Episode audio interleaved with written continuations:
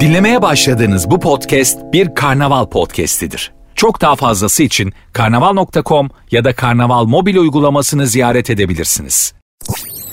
Sertünsüz. Herkese merhaba. Sertünsüz başladı. Ben Nuri Özgül. Saat 22'ye kadar beraberiz hanımlar beyler.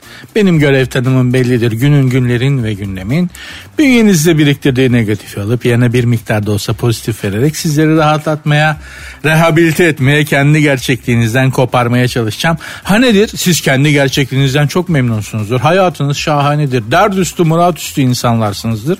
O zaman zaten benle ne işin var? O zaman zaten niye radyo dinliyorsun? Niye sosyal medyaya takılıyorsun? Kendi gerçekliğin güzelse, iyiyse, mutluysan onu yaşasana sosyal medyada, radyoda, internette ne işin var? Afacan. Ha? Değil mi? Kendi hakikatini yaşa. Sanallıktan çık. Yani radyo dinlemek de bir tür sanallık çünkü.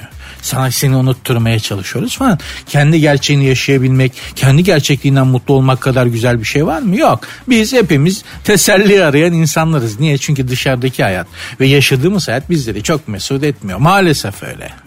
O yüzden bizim işimiz bizim gibi insanlarla hanımlar beyler dediğim gibi saat 22'ye kadar benimlesiniz. Benim görev tanımım belliydi. Negatifinizi alacağım, pozitifi vereceğim. Sizin de göreviniz tek bir tane yapacağınız tek bir şey var. Kendinizi kasmayın. Bana bırakın kendini kasarsan negatifi çekip almak zor oluyor. Pozitifi verirken de morarma yapıyor. Hani şey gibi iğne yaparken hani koldan foldan ya geçen gün bir kan alması kan vermem gerekti söylemesi sayıp. Acemi hemşireye denk gelmişim. Eleğe çevirdi kollarımı ya. ya kollarım var ya. kollarım var ya çok özür dilerim ama Böyle hani madde bağımlısı birinin kolları gibi oldu ya polisler falan mı bakıyorlar buna ne ayak falan filan diye. Ya resmen delik deşik ve mosmor yaptı kızca. Stajını benim üstümde yaptı bak. Bütün acemiliği benim ya okuldan mezun oldu ertesi gün işe girdi de bana mı denk geldin be ablacım ya. Hep de böyle olur ha. Hiçbir zaman bir işin ustasına denk gelemedim. İşin ustaları ile ilgili bir işin ustası olmakla ilgili birazdan size çok enteresan şeyler anlatacağım. Oradan aklıma geldi de söyledim. Dediğim gibi saat 22'ye kadar beraberiz. Kendinizi kasmayın bana bırakın. Programın Instagram ve Twitter adresleri malum. Aynı sert unsuz yazıp sonuna iki alt koyuyorsunuz. Benim Instagram adresim de Nuri Ozgul 2021.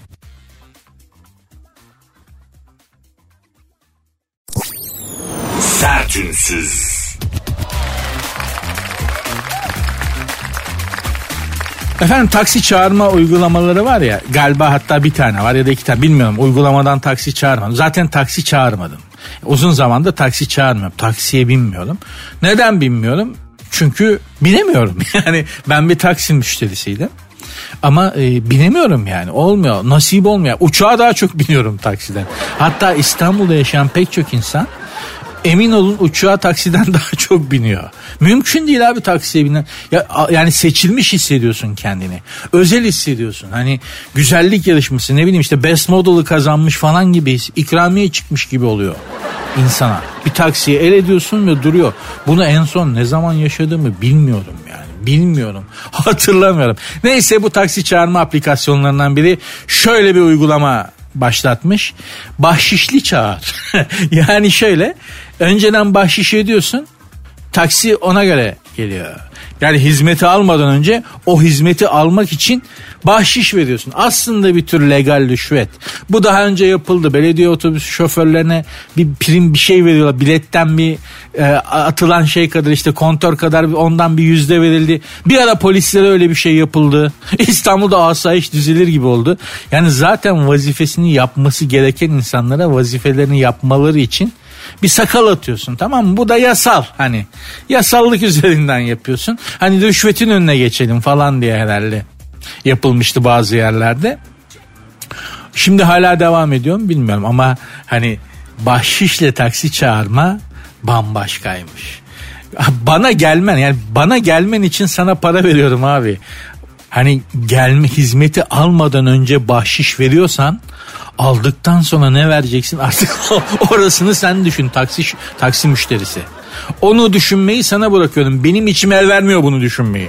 Ya daha hizmeti almadan hizmet almak için bahşiş veriyorsak değil mi?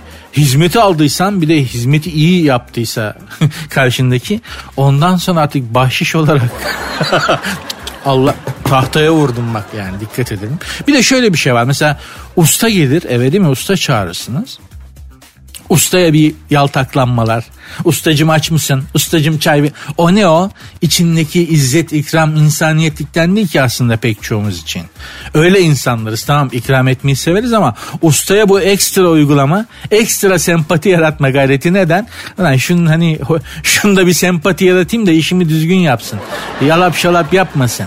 Hani güzel iş yapsın diye. Ustada bir sempati yaratma gayreti. Usta aç mısın? Usta çay, usta kahve. Ustacım sizin işinizde zor ve Allah razı olsun. Evet. Para veriyorum yapacak tabii. Hem de iyi yapacak. Beğenmezsem de parasını vermem. Bir boz bir daha yap. Olmamış. Bu kadar basit ama nerede abi? Kime yapıyorsun? Hem de Türkiye'de hem de İstanbul'da. bir daha var ya taş üstüne taş koymazlar senin evinde. Şimdi bu taksi taksi bahşişli çağırma işi bunun sonu kötü gelir. İnşallah yaygınlaşmaz yani. yani. Yarın bir gün çünkü fırıncıdan da ekmek alırken önce bahşiş vermen. Bakalım ya bakayım sen ekmek alabilir misin sen ya? Ha? Ekmek mi istiyorsun? Ha falan diye. Fırıncılar da kuru yemişçiler falan değil mi? Leblebi alacaksın. Önceden bir bahşiş veriyorsun. Bu her şey de böyle olmaya başlayacak gibi geliyor bana. Bir süre sonra. Mesela artık su temel ihtiyacımız ama para ödemeden yaşamak için temel ihtiyacımız olan suyu satın alamıyoruz. İlla para ödeyeceksin. Bu yakında havaya da böyle olacak gibi görünüyor. Kısaca hanımlar beyler ne istiyorsanız bedelini ödemeden alamayacaksınız. Sertünsüz. Mars yörüngesindeki Hindistan Hindistan uydusunun yakıtı bittiği için emekliye ayırmışlar. Ya bu arada Hindistan bak adamlarla makara yapıyoruz şimdi değil mi? İneğe tapıyorlar. Her taraf pislik çöplük gibi 15 bin tane tanrıları var. Bir tanesi temizliği emretmemiş ya bunlar açlıktan saçlarındaki bitiyor falan diye. Yeri geliyor makara yapıyoruz ama Hindistan dikkatinizi çekerim Mars yörüngesine uydu oturtabilecek teknolojiye ve teknolojik birikime sahip. O marifete sahip. Biz henüz daha 10 bin fitin üstüne çıkabilmiş Türk yok be abicim ya. Geldik bak da ay projemiz daha yeni gerçekleşecek inşallah. Yıl sonuna doğru ya yollayacaktık ya da kim gidecek o belli olacaktı. Adamlar Mars yörüngesine uydu oturtuyorlar. Hem de makara yaptığımız Hintliler. Düşünün yani. Neyse biz de o noktaya geleceğiz ama Bunların problemi şu. Evet Mars yörüngesine uydu oturtabilecek teknolojiye sahipler. Evet o kadar marifetliler ama orada bir problem çıktığı zaman çözemiyorlar. Bak emekli etmişler kaç milyon dolarlık uyduyu. Mesela bizim uydumuz diyelim ki Türk uydusu Venüs yörüngesinde bir tane uydumuz var. İnşallah görürüz o günleri. Taceddin 2 uydunun adı da. Diyelim ki aklıma ilk o geldi. Taceddin 2 gitmiyor alet gitmiyor olmuyor motorlarda bir problem var. Şimdi biz emekli eder miyiz? Yani vurdururuz biz yani hani arabayı vurdurarak çalıştırma var ya biz yaparız çünkü bak silkeleterek tamirciler falan iyi bilirler. Arabayı silkeletip vurdurursun böyle ikiden bire mi atıyordun birden ikiye mi atıyordun aynen öyle bir şey oldu. Araba bir silkeleniyor brın diye çalışıyor. Bunu uyduya da yaparız biz. yeter ki gidelim yeter ki şu yer çekiminden kurtulalım. Bak Amerikalı, İngiliz, Fransız, Hindistanlı Bakanı şu bu uydudaki problemi çözemez. Emekli eder uyduyu gönderir gider uzay boşluğuna doğru. Biz o problem uydudaki problemi de pratik zekamızda çözeriz. Gitmiyor mu vurdururuz abi. Silkeletiriz. Yakıtı mı bitti? Bir, pro, bir çözüm bulunur yani. İlla ki bulunur. Bizim pratik zekamıza dünyanın hiçbir ülkesi, dünyadaki hiçbir insan topluluğu bizim pratik zekamıza erişemez. Bu iki kere iki dörttür. Yalnız bu hani emekli etmişler ya bu biz bu uyduyu çekemiyor muyuz ya? Yani hani ne uğraşacağız uydu şimdi o, o teknolojik şeye gelene kadar aradan çok uzun zaman geçer. Adamlar hazır emekli etmişler artık bu bizim değil demişler. Ha? Uyduyu böyle oradan çektirip biz kullanamıyor muyuz acaba ya? Biz o işleri de iyi yaparız biliyorsun. Yani, yani. yapmaktansa yapılmışı kullanmayı severiz biz. Öyle değil midir şimdi? Düşünün yani. Asırlarca böyle yaşadık. Yani 300 yıldır falan böyle yaşıyoruz. Alman bizden pamuğu alıyordu Birinci Dünya Savaşı'nda pamuğu. Türk pamuğunu alıyordu 10 kuruşa. Gidiyordu asker kaputu yapıyordu ondan 50 kuruşa bize satıyordu. Falan filan yani anlıyor musun? Biz yapamıyorduk ama nedense. Hala öyle. Hala bu zinciri kırmaya çalışıyoruz diyeceğim. Hintlinin, Mintlinin, Amerikalı'nın uzayda e, bizim işimize yaramaz dediği falan uyduları bir toplasak var ya biz ondan neler yaparız be. Sertünsüz. Manisa'da 1800 yıllık bir e, Roma mektubu mermer lahit üzerine yazılmış bir mektup bir dilekçe böyle el kadar bir şey. Onu çözmüşler. Manisa'da bulunmuş efendim. 1800 yaşındaymış. Bir dilekçeymiş. Mermer üzerine o zaman da dilekçe yazmak ne zormuş bu abi? Düşünsene mermere yazıyorsun yani. Hani Jules Caesar'a dilekçe vereceğim. Efendim benim bilmem ne parseldeki bilmem ne evimin tapu tahsisi için falan böyle mermere çat çat çat kazıtıp bir de yazım yanlış olunca o kötü ha. Silemiyorsun ya mermeri at komple. Ah be abi Romalı olmak çok zor. Birazdan anlatacağım Roma dönemini. Ee, bir lahit bulunmuş. Nedir bu falan diye neyse parça parçaymış. Başka parçaları da bulunmuş. Birleştirilmiş yazılanlar çözülmüş. Bir e, şeyde o bölgede yaşayan insanların Roma Sezar'ına, Roma İmparatoruna bir şikayet dilekçesi. Diyorlar ki ya her gelen vergi memuru kafasına göre vergi topluyor. Şunları bir standarda bağla. Biz yüzde kaç vergi ödeyeceğimizi bilelim diyorlar. Her mem yolladığım vergi memuru biri yüzde yedi alıyor, biri yüzde beş alıyor, biri yüzde on alıyor, biri yüzde üç alıp gerisini cebellezi. Bu nedir ya demişler Sezar'a. Ben size ne dedim? Daha dün de dedim. Değişen hiçbir şey yok. Sadece olaylar aynı. Sadece yaşayan insanlar değişiyor. Bak 1800 yıl önce de hala aynı şeylerden şikayet ediyor. Bugün de vergi adaletsizliği konuşulmuyor mu? Bütün dünyada yani.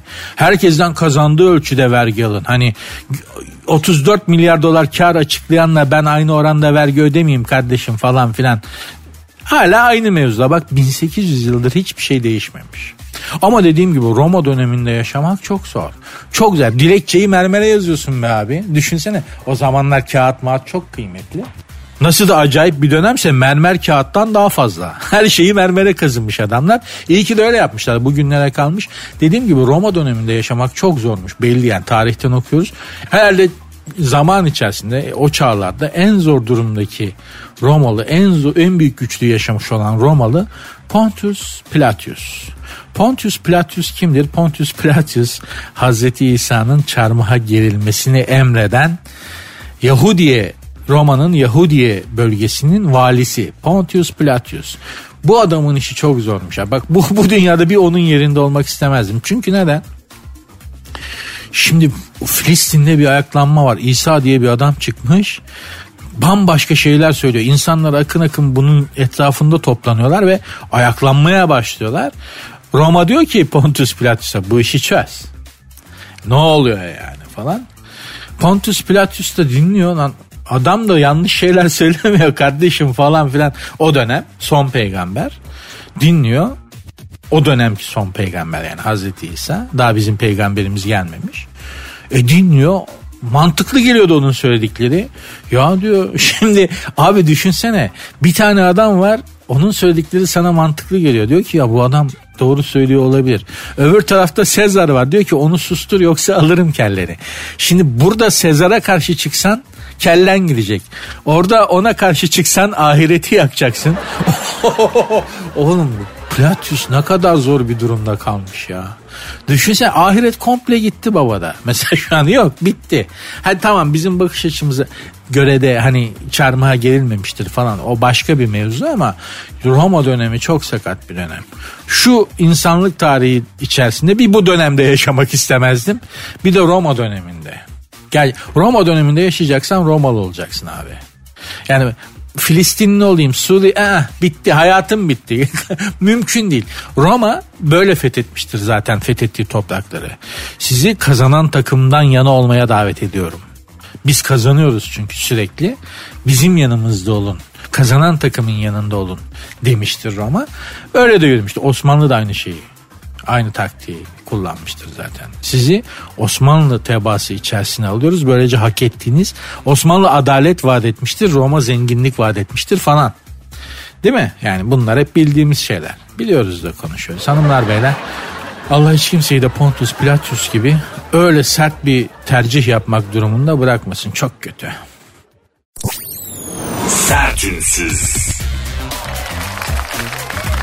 Emlakçıların kira oyunları. Bir gazeteci hanımefendi Mevlüt Tezel'in haberi hanımlar beyler.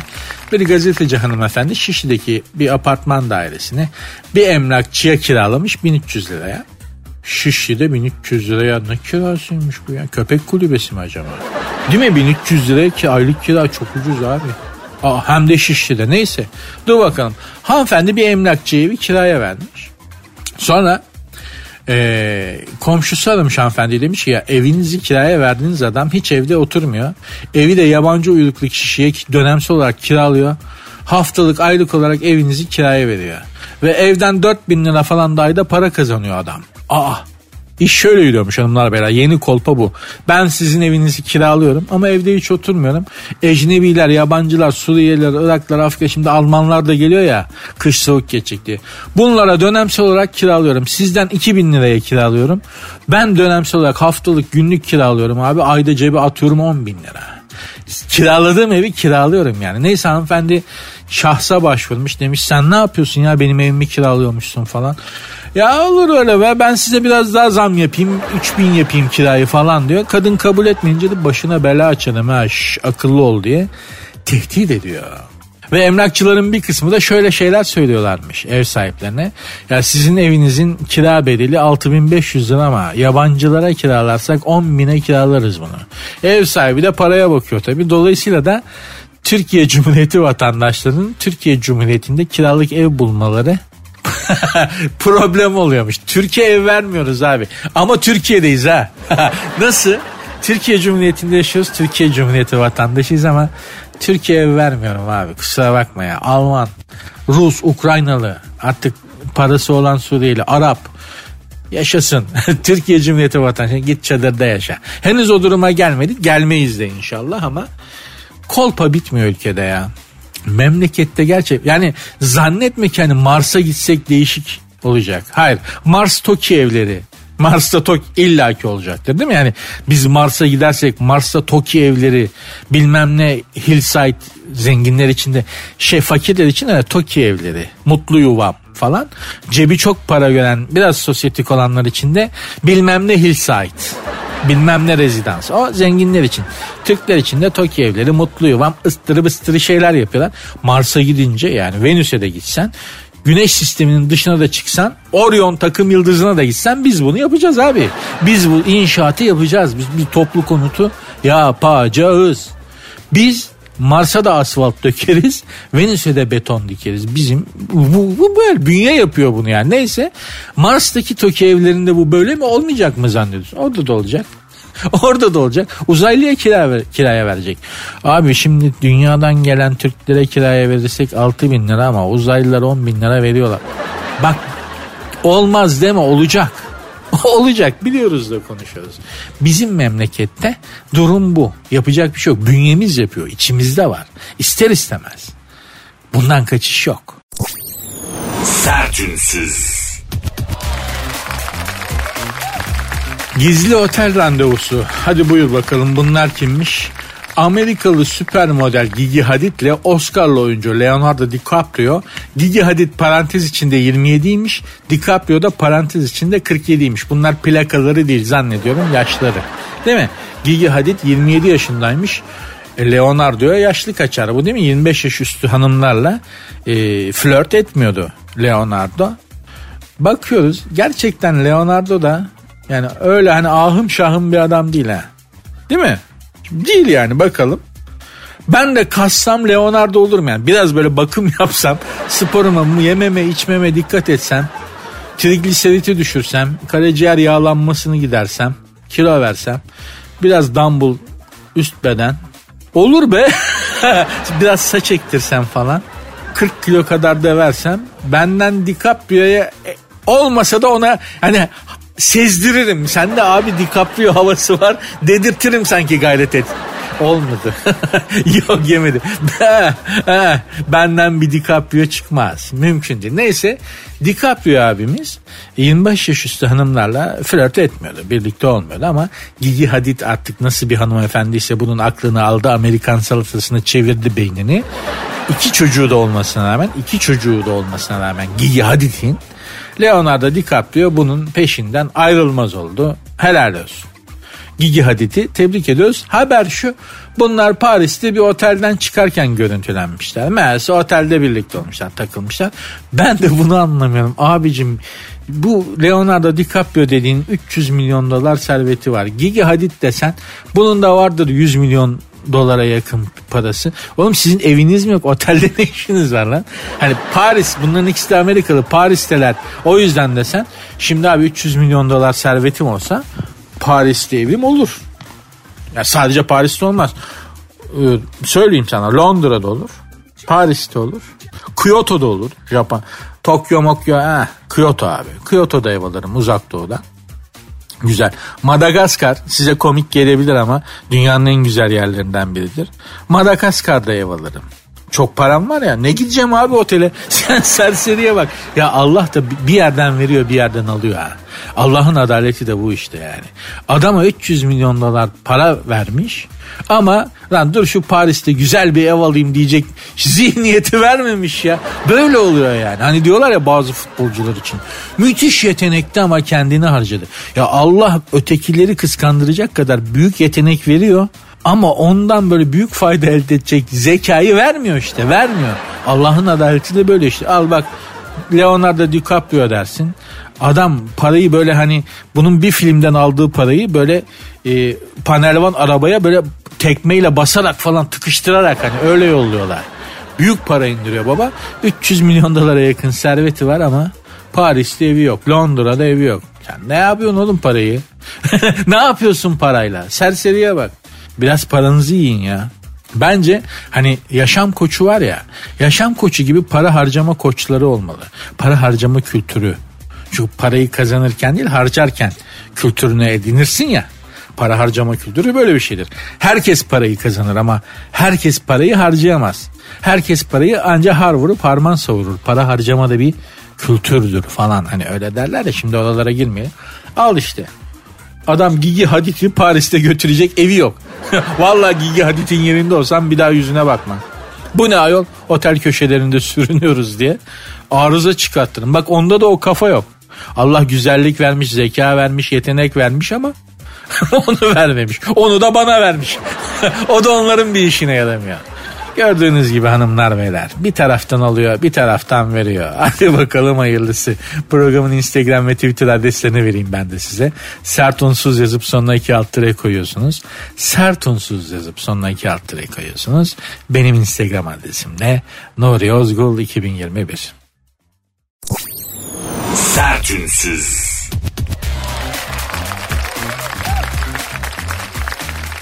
Ve geldik George Clooney ile Brad Pitt muhabbetine. Bunların ikisinin yaşını toplarsan yüzü geçiyor. Ama babalar hala birbirlerine dünyanın en yakışıklısı sensin, dünyanın en yakışıklısı benim diye kompliman yapıyorlar. Kankaymış efendim bu George Clooney ile Brad Pitt. Zannediyorum Türk kadını Brad Pitt'e biraz daha yakın. Yani George Clooney'de çünkü bir okul müdürü havası da var. Ama Brad Pitt hani saç rengi falan filan hani daha hafif İtalyan ya hani biz de ne biliriz? Türk kadınları İtalyan erkeklerini beğenirler. Tarz olarak da beğenirler, tip olarak da beğenirler. Karakter olarak da yanlarına yakışılacak, yaklaşılacak adam değildir. Hiçbiri çocukluktan çıkamamış ana kuzusu. Bunlara anaları bak biz Türk erkeklerini annelerimiz öyle yetiştirse dünyada var ya dünyada yani boşta kadın kalmaz. Hepsinin bir Türk kocası falan olur. Ya bir yarı tanrı gibi yetiştiriyorlar sözün meclisten dışarı. İtalyan anneleri erkek çocuklarını öyle bir egoyla büyütüyorlar ki o gördüğün hava o. Anasından aldığı gazla tamam mı? Hepsi kendisini Yunan tanrısı mitolojik bir tanrı falan zannediyor herifleri. Biz öyle yetiştirsek tamam annelerimiz bizi de sevdi. Oğlum aslanım paşam falan diyor ama yeri geldiğinde kafayı terleyi yedik abi. Yemedik mi? Yedik. Başkalarıyla kıyaslanmadık mı? Kıyas bak onun oğlu ne yapıyor bak. Ahmet işte sınıfı nasıl geçti falan filan diye. Yeri geldiğinde egomuzu da yaraladılar. Kafamıza terliği değdik. Hiçbir şeyde kafana bir şey yemediysen leğende yıkanırken kafana tasla vurdu. Bizim kuşak için söylüyorum. Z kuşağı bunu bilmez. Çocukken değil mi leğende yıkarken sus diye kafaya tası yedik. Yoksa biz İtalyan erkekleri gibi yetiştirilsek var ya dünyada kadınların Allah yardımcısı olsundu yani. Samimi söylüyorum. Verilmiş sadakaları varmış. Neyse efendim George Clooney demiş ki şey Brad Pitt George Clooney için demiş ki bence demiş George Clooney demiş dünyanın en yakışıklı, er, yakışıklı erkeği demiş. George Clooney'e de bunu söylemişler. Demişler ki Brad senin için dünyanın en yakışıklı erkeği diyor. George Clooney de demiş ki evet doğru söylüyor. Babacım ikinize de sesleniyorum. Buradan George Clooney ile Brad Pitt'e sesleniyorum. Biliyorum beni dinliyorsunuz. ee, ikinizin yaşını topladığımız zaman yüzü geçiyor oğlum. Ne yakışıklısın Göğsünüzdeki kıllar enginar çiçeğine dönmüş bebeğim. Bak işte George Clooney akıllılık etti. Bir tane saf bir kızcağız buldu dünya güzeli. Onu kafaladı evlendi çocuk yaptı. Bastonla geziyor adam. Bastonla geziyor ama daha yeni çocuk yaptı. Olsun. Brett'te o da yok. Gerçi onun da değil mi Angelina Jolie'den 7 tane önemli bir kısmı evlatlık olan 7 tane çocuğu var. O da yaptı vaktiyle performansı. Neyse yani hani geldiniz torun sevecek yaşa geldiniz hala sen mi yakışıklısın ben mi yakışıklıyım yani yürü git. Yer çekimine yenildiğiniz yaşta sarkma sünme başladı. Erkeklerin de yaşlandıkça biz erkeklerin de böyle bir durumu oluyor ha. Aynanın karşısında daha çok vakit geçirmeye başlıyoruz. Birileri bizim egomuzu okşasın istiyoruz. Hani sen daha bitmedin abi. Sende daha iş var abi. Senin giderin var abi. Bunu duymak istiyoruz maalesef erkek olmanın da kötü yanı o. Kadın yaşlandıkça sakinleşiyor belki ama erkek maalesef. Yani 50 yaşından sonra motosiklet almalar, kırmızı mont giymeler, saçlara jölesinler. Rezillik bitmiyor ki. Bitmiyor bizde maalesef. Sertünsüz. Merlin isyanı Amerikalı model Emily Ratajkowski efsanevi oyuncu Marilyn Monroe'nun hayatını anlatan Blonde filmine tepki göstermiş. Başrolde Kübalı oyuncu Ana de Armas'ın olduğu film için bir kadının ölümünde dahi acısını fetişleştiren bir filmin çekilmesine şaşırmadım. Oysa öfkeyi fetişleştirmek daha zor. Ben şu an en cadı dönemimdeyim demiş. Ne demek istediğini anladıysam Arap olayım. Arap olayım yanlış oldu. Arap olayım da çok zengin olayım. İstanbul'da yer tutayım. Kendime dua ettim yani kötü bir şey söylemedim. Hani Arap olayım anladıysam Arap olayım. Hani rasist bir deyim değil. Arap olayım çok zengin olayım. Zengin bir Arap olmasam bile olsun. Cukkada para var. İstanbul'un en kral yerlerinde Karadeniz'in en kral yaylalarında ben yaşayayım. Hani o manada Arap olayım dedim. Güzel kıvırdım. Neyse. Şimdi hanımlar beyler Marilyn Monroe'nun hayatını anlatan bir film yapıldı. Blonde. Mutlaka izlemenizi öneririm. Yani dünyanın en güzel kadınlarından biri Marilyn Monroe. Çok zor bir hayatı var. Bunun için izlemenizi öneririm. Özellikle hanımların çok korkunç bir hayatı olmuş. Yani güzellik gerçekten bir lanet gibiymiş kadının üzerinde. Efendim kendisi çok e, enteresan adamlarla da evlenmiş. Yapımcılar var hayatında. Bir beyzbol Babe Ruth. Babe Ruth tabi beyzbol Amerikan beyzbolunun e, erişilmez yıldızı Babe Ruth'la evlenmiş. Aynı zamanda da rahmetli başkan Kennedy'nin e, sevgilisi. Yani öyle bir adam öyle bir sevmiş ki başkan Kennedy bu kadını. Beyaz Saray'ın altına tünel kazdırtmış ya. Düşünsene hani çaktırmadan hanım Marilyn Monroe girsin çıksın hanım görmesin aman sobelenmeyelim diye. Beyaz Saray'ın altına tünel kazdırmış adam ya. ya biz erkekler neden bu kadar sefil Dün size söyledim işte yani. Ya sırf kızla buluşmak için Meksika'ya Cancun'a giden arkadaşlarım vardı. ICQ'da tanıştı. Bak koskoca başkan Kennedy ya adam adamın bir sözü bütün dünyayı değiştirebilecek durumda. Öyle bir makamda adam ama manita durumu olunca tırnak içerisinde söylüyorum hanımlar beni affetsinler. Erkek jargonuyla söyleyecek olursak. Manitacılık yapmak gerektiğinde ee, beyin devreden çıkıyor. Üst beyin en azından. Korteks devreden çıkıyor. Beyaz Saray'ın altına tünel kazdırmak nedir ya? Hatun rahat girip çıksın kimseye görünmeyelim babacım diye. Ah be kardeşim. Ama büyük aşkmış. Yani herkes söyler. Marilyn Monroe'yla e, Kennedy'nin aşkı çok büyük bir aşkmış ama aynı zamanda imkansız da bir aşkmış. Güzelliğin bir kadının hayatını nasıl mahvettiğini görmek istiyorsanız çok yorulmuş kadıncağız ya. Çok yormuşlar kadını. O güzelliği var ya kadına neler çektirmiş ya. Görmek istiyorsanız özellikle hanımlara hem biyografisini okumanızı hem de Blonde filmini izlemenizi öneririm. İbret vesikasıdır. Çocuk kızlarınıza da seyrettirin. Görsünler. Görsünler ki onun yaptığı hataları yapmasınlar. Lütfen. Sertünsüz. Dün film gösteren o platformlar var ya işte. Yani Netflix be kardeşim söylemek ayıp mı bilmiyorum da. Kıvırmaya gerek yok. İşte Netflix'te bir e, şey Arsenal futbol takımının ya hep ya hiç Arsenal diye bir belgesel izledim. Daha doğrusu belgesel Arsenal'in belgeseli olmamış. Teknik direktör Mikel Arteta var. Portekizli mi İspanyol mu ne öyle bir adam. Onun belgeseli gibi olmuş. Ya adam neler çekiyor. O takımı motive etmek için çok enteresan bir adam. E, her maçtan önce öyle şeyler söylüyor ki yani hani kişisel gelişim kitabını yalamış yutmuş kişisel gelişimin kendisi olmuş adam. Bir futbol takımını motive etmek için maçtan bir buçuk iki dakika önce acayip konuşmalar yapıyor. Belgeselde onlar var. Bir tanesinde mesela ekran var. Dijital ekranda bir Da Vinci tablosu gösteriyor. İşte Da Vinci'yi anlatıyor. O tabloyu anlatıyor. Futbolculara ilham vermek istiyor. Anlatabiliyor muyum? Sanattan bahsediyor. Bak iki dakika içerisinde. iki dakika sonra maça çıkacaklar. Adam Da Vinci'nin tablosunu anlatıyor. Ve oradan yola çıkarak işte takım olmak, güzel bir şey ortaya koymak falan onu ona bağlıyor. Ya inanılmazdı.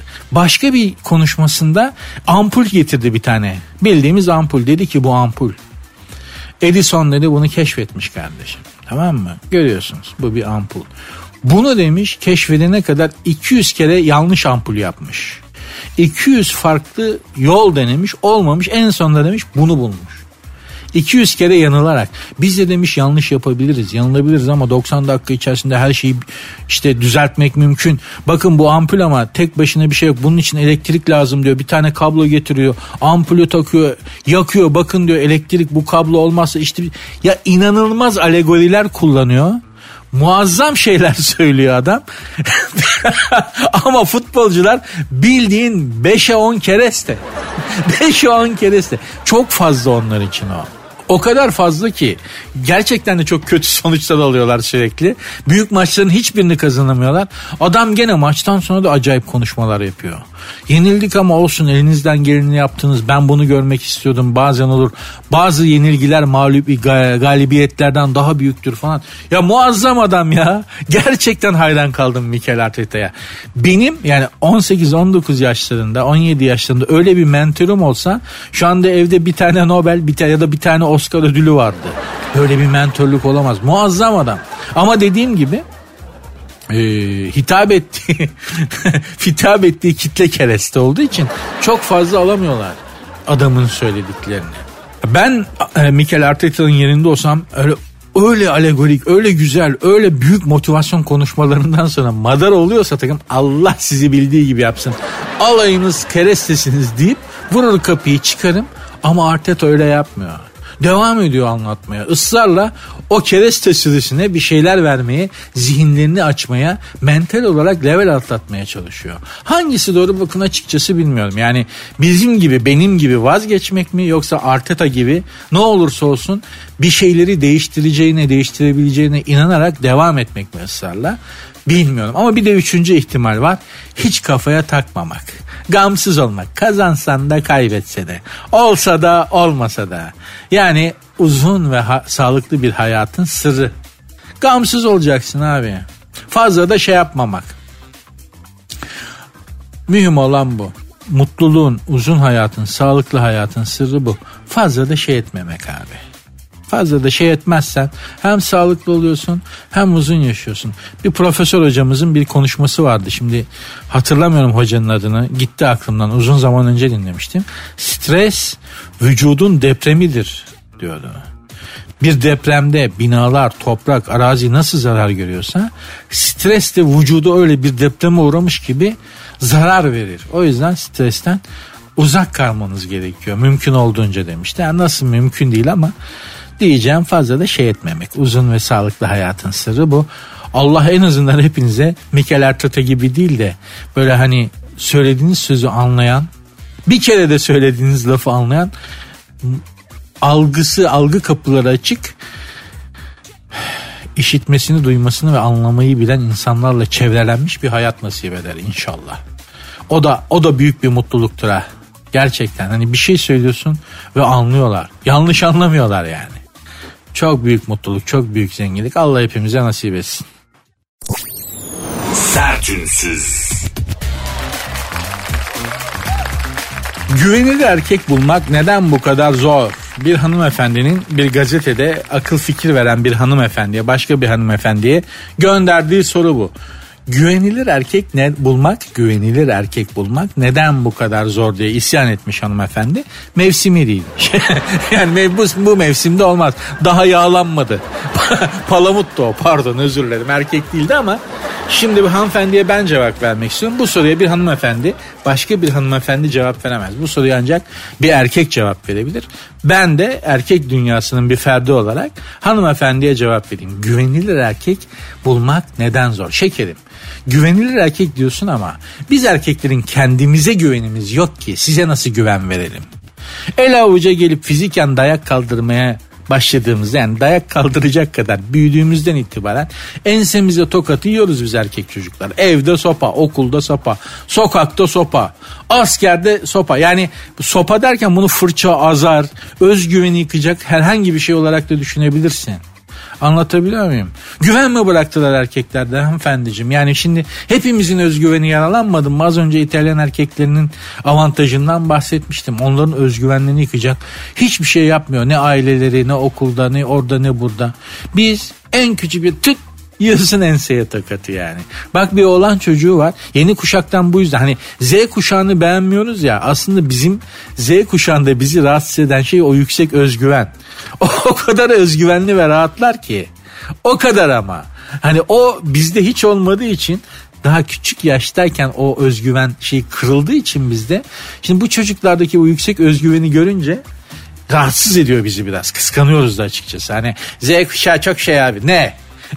Özgüvenleri yüksek bırak işte tamam biraz kibir gibi geliyor bize ama alışık olmadığımız için öyle bir şey işte. Bak bir oğlan çocuğu var dediğim gibi bir tane ork var elinde saçmalayıp duruyor neydi orkçu Fevzi. Ha Isabel diye bir şarkı falan söylüyor değil mi? Neydi bir şeyi yapmam on numara bilmem ne on öyle bir garip garip şeyler söylüyor. Hastayım ama o veletteki özgüvene. Bakınız ben kendi janrımda kendimden örnek vereyim.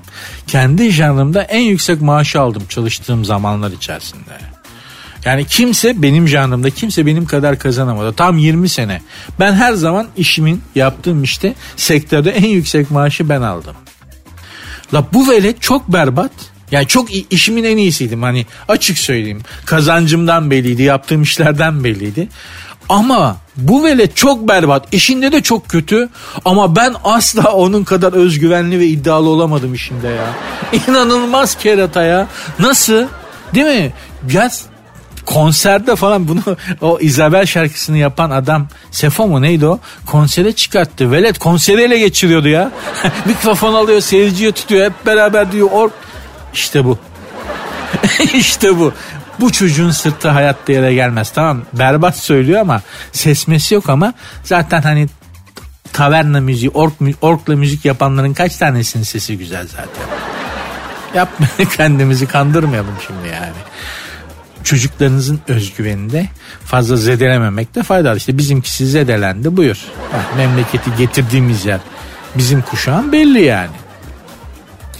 Bakalım bu Z kuşağı inşallah iyi bir yerlere getirir bu özgüvenle deyip programı bugünlük bağlar başı yapayım hanımlar beyler. İnşallah sizler için keyifli bir iki saat olmuştur.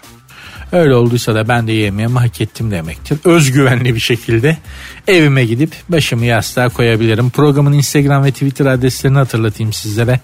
Sert unsuz yazıp sonuna iki alt koyuyorsunuz. Sert unsuz yazıp sonuna iki alt koyuyorsunuz. Benim Instagram adresim de var. Nuri Ozgul 2021. Görüşmek üzere.